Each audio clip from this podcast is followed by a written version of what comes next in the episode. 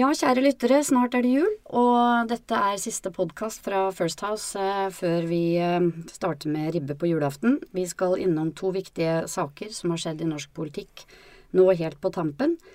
Eh, det vil handle om skifte av statsråder og en annen sak som nå seiler opp, som igjen handler om Trond Giske. Før vi kommer så langt, de jeg har med meg i studio i dag, er Odd Horn Sevje, tidligere politisk rådgiver for Erna Solberg. Det er eh, Ingrid Aasåren, som tidligere var prosjektleder i eh, miljøorganisasjonen Zero. Og det er eh, Ketil Linseth, tidligere statssekretær for Arbeiderpartiet. Og alle tre er i dag rådgivere i First House, og mitt navn er Cecilie Ditlev Simonsen, også jeg rådgiver i First House. Aller først, Odd. Hvorfor gjør Erna Solberg skifte i regjeringen nå?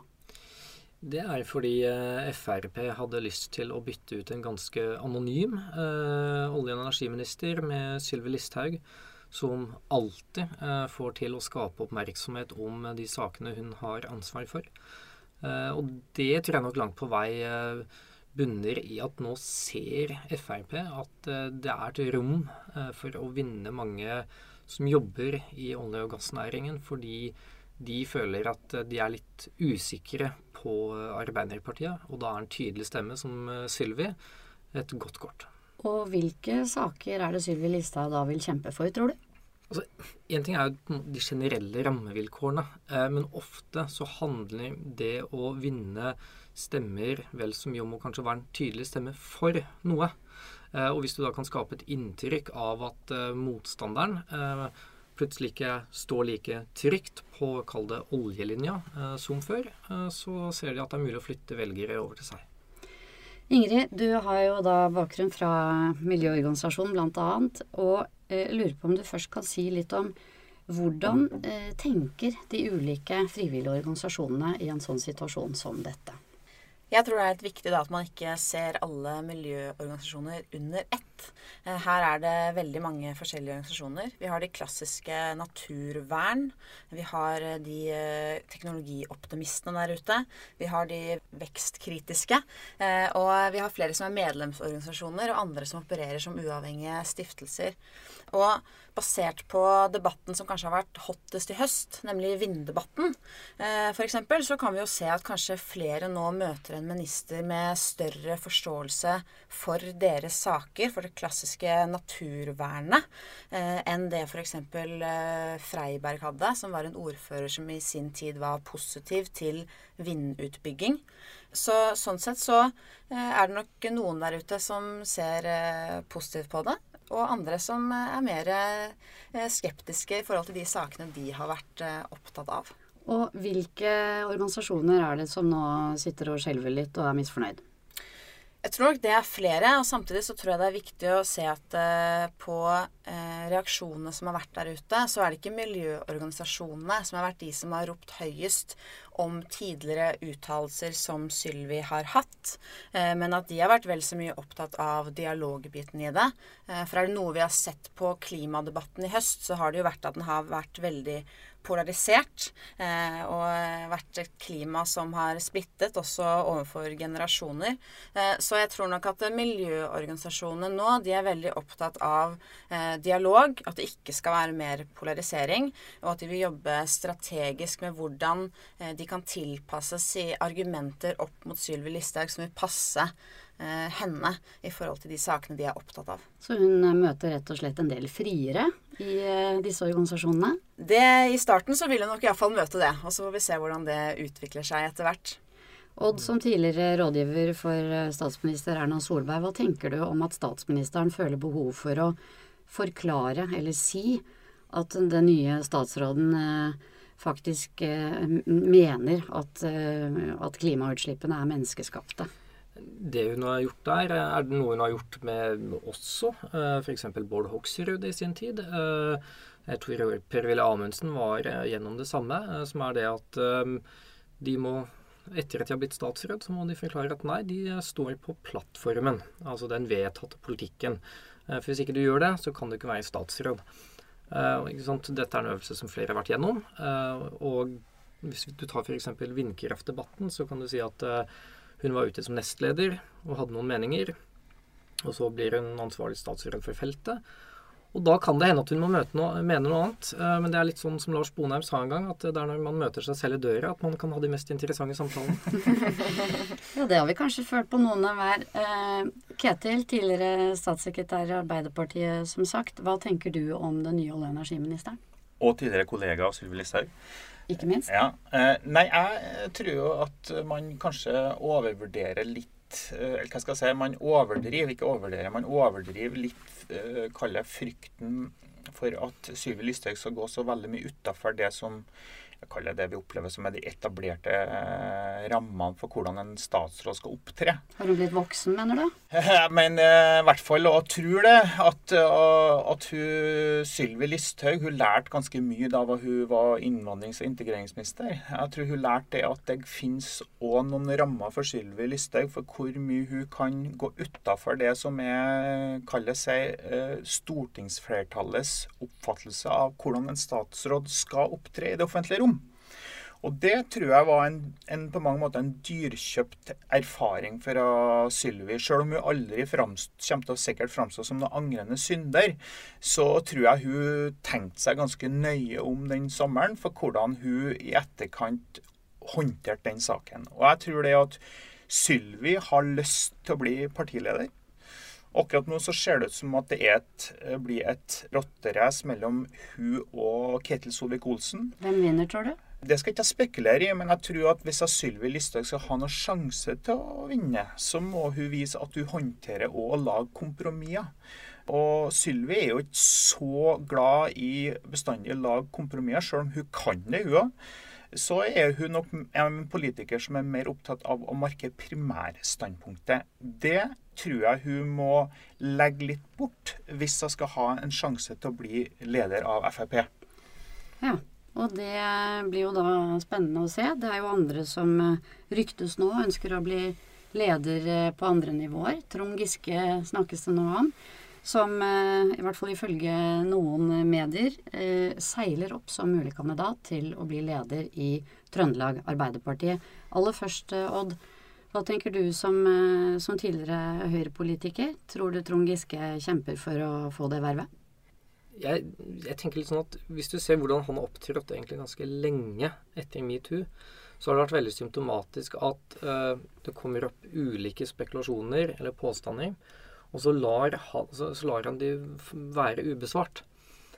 Det kan jo selvfølgelig være dels fordi at ting er en prøveballong, uh, men det kan også dels være fordi at han har ikke noe behov uh, for å rydde spekulasjonen av veien. det viser liksom at han er ønsket av mange, og det er fint. Um, men Syns du? Hmm? Syns du? Ja, for han så er det selvfølgelig fint. Eh, det sier seg selv. Eh, alltid fint å være ønsket. Men om han til syvende og sist vil det, det veit vi jo ikke før han sier at ja, jeg er kandidat.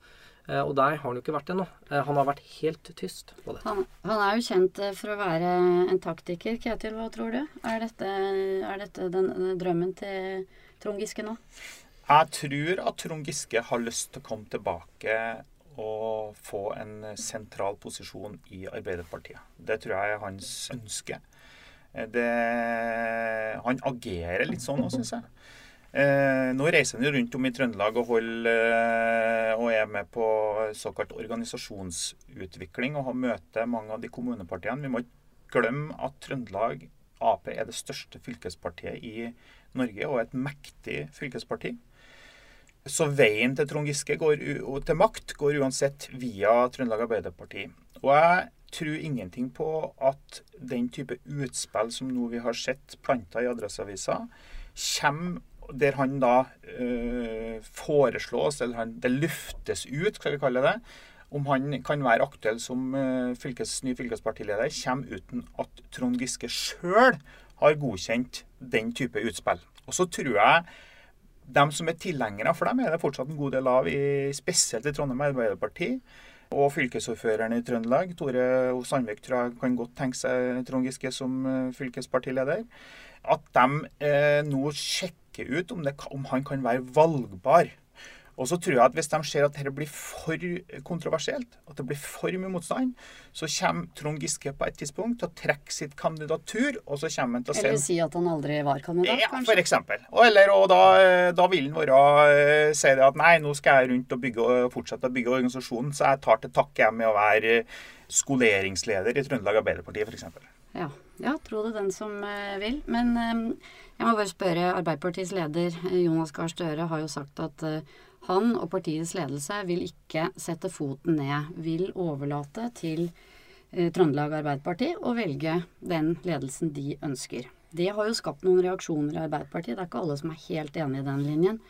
Odd, hva tenker du om, om Støres utspill?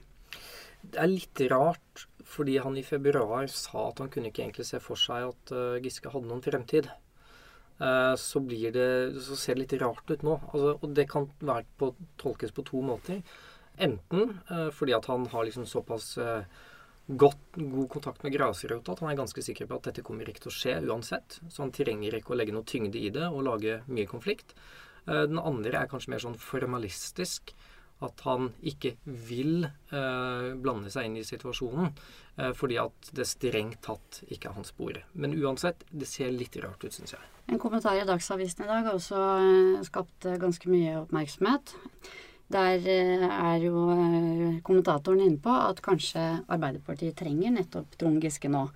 Fordi Arbeiderpartiet gjør det dårlig i målinger, og det er intern splid. Eller er det ikke det lenger, Ketil? Ja, nå skal jeg ikke uh, gå for langt i den kommentaren. Jeg var jo for så vidt veldig enig. veldig ingressen så syns jeg liksom konklusjonen var litt rar. Men da må du først si hva ingressen var. Ingressen var, jo, ingressen var jo det at han, at han hadde hatt en Hva skal jeg si u, uh, Han har hatt en atferd som ikke sømmer seg for en uh, autoritetsperson overfor kvinner. Hvordan å si det sånn, Cecilie? det passerer. Ja. Men så konkluderer man likevel med at han er så viktig for Arbeiderpartiet. At for, altså, altså, at formålet er så viktig at han kan ergo gjøre sånn som han vil. Eh, derfor så bør han bli tatt inn i folden igjen. Nå tror jeg det som kanskje er no noe av utfordringa her, er jo at nå går det bedre for Arbeiderpartiet. Det, og det er jo veldig sånn for oss som har jobba med valgkamp og partistrategi før, så er de partiene som ofte tjener best på ro rundt seg, det er Høyre og Arbeiderpartiet. Og Arbeiderpartiet har nå endelig, etter to år med Giske-bråk, klart å fått ro rundt organisasjonen sin. Eh, og nå eh, tror jeg de i partiledelsen tenker å nei, skal han starte igjen? På'n igjen, tror jeg de tenker. Jeg tror de dukker og holder seg for ørene og later som at det ikke skjer noe. Håper det går over. Men eh, jeg tror ikke det går over. Jeg tror Trond Giske har tenkt seg tilbake. Uh, Støre vil jo uh, bli uh, bedømt selvfølgelig på hvordan han håndterer denne saken. Ja, og jeg tror det at de undervurderer litt hvordan man oppfatter ledelsen i Arbeiderpartiet. Når Arbeiderpartiets ledelse ser seg sjøl, så tror jeg man må se på at Trond Giske-saken, eller Trond Giske-gaten, er så viktig for hvordan de som ledelse blir bedømt, at de er nødt til å håndtere saken annerledes enn det. Spør du meg, så burde de ha sagt bare at nei, han har gjort ting som gjør at han ikke kan ha eh, viktige verv i Arbeiderpartiet. Eh, og jeg tror at hvis en Trond Giske kommer tilbake nå i landsstyret, så vil du se, få konflikter og splittelse som vil skade Arbeiderpartiet dypt. Jeg tror vi vil få folk som slutter i stortingsgruppa. Det vil være folk som takker nei til å bli ordførere. For så kontroversiell er Trond Giske. Og som jeg skrev en kronikk i VG her for litt siden. Det beste for Arbeiderpartiet og for Trond Giske hadde vært om Trond Giske hadde trukket seg, fordi det hadde skapt ro. Og det er det noe Arbeiderpartiet trenger nå for å komme sterkt tilbake i regjeringsposisjon. Og personlig så mener jeg det er viktig at, at vi har et sterkt Arbeiderparti i landet. Det er at uh, man får ro rundt partiet. Og, og, du representerer jo en annen politisk fløy. Hva tenker du om det Ketil sier nå? Han har helt rett. Uh, altså, på høyresiden så er det jo litt enkelt sagt konflikt i Ap. Det er bra. Og det vil Giske definitivt skape. Særlig hvis han tvinger gjennom et slags comeback. I så fall så får de jo oppmerksomhet om alt annet enn politikk. Og et parti som Ap som bare skal ha fokus på personkonflikter, personkabaler, hvem mener hva, eh, og nye runder med medarbeidere som gir seg, osv. Eh, det betyr at da er det ikke rom for dem til å få ut politikken sin. Eh, I stedet så er det Rødt, SV og MDG som er ute og snakker om det folk er mest opptatt av. Og så tenker de at hvis ikke Ap kan være voksne, så får vi gå til noen andre som er det. Jeg tror vi skal la det være siste ordet. Tusen takk for at dere var med i studio. Takk til alle dere som hørte på. Og vi får følge med i romjulen. Det er medier og nyheter og debatter og oppslag og i det hele tatt eh, hele veien. Og riktig god jul til alle sammen.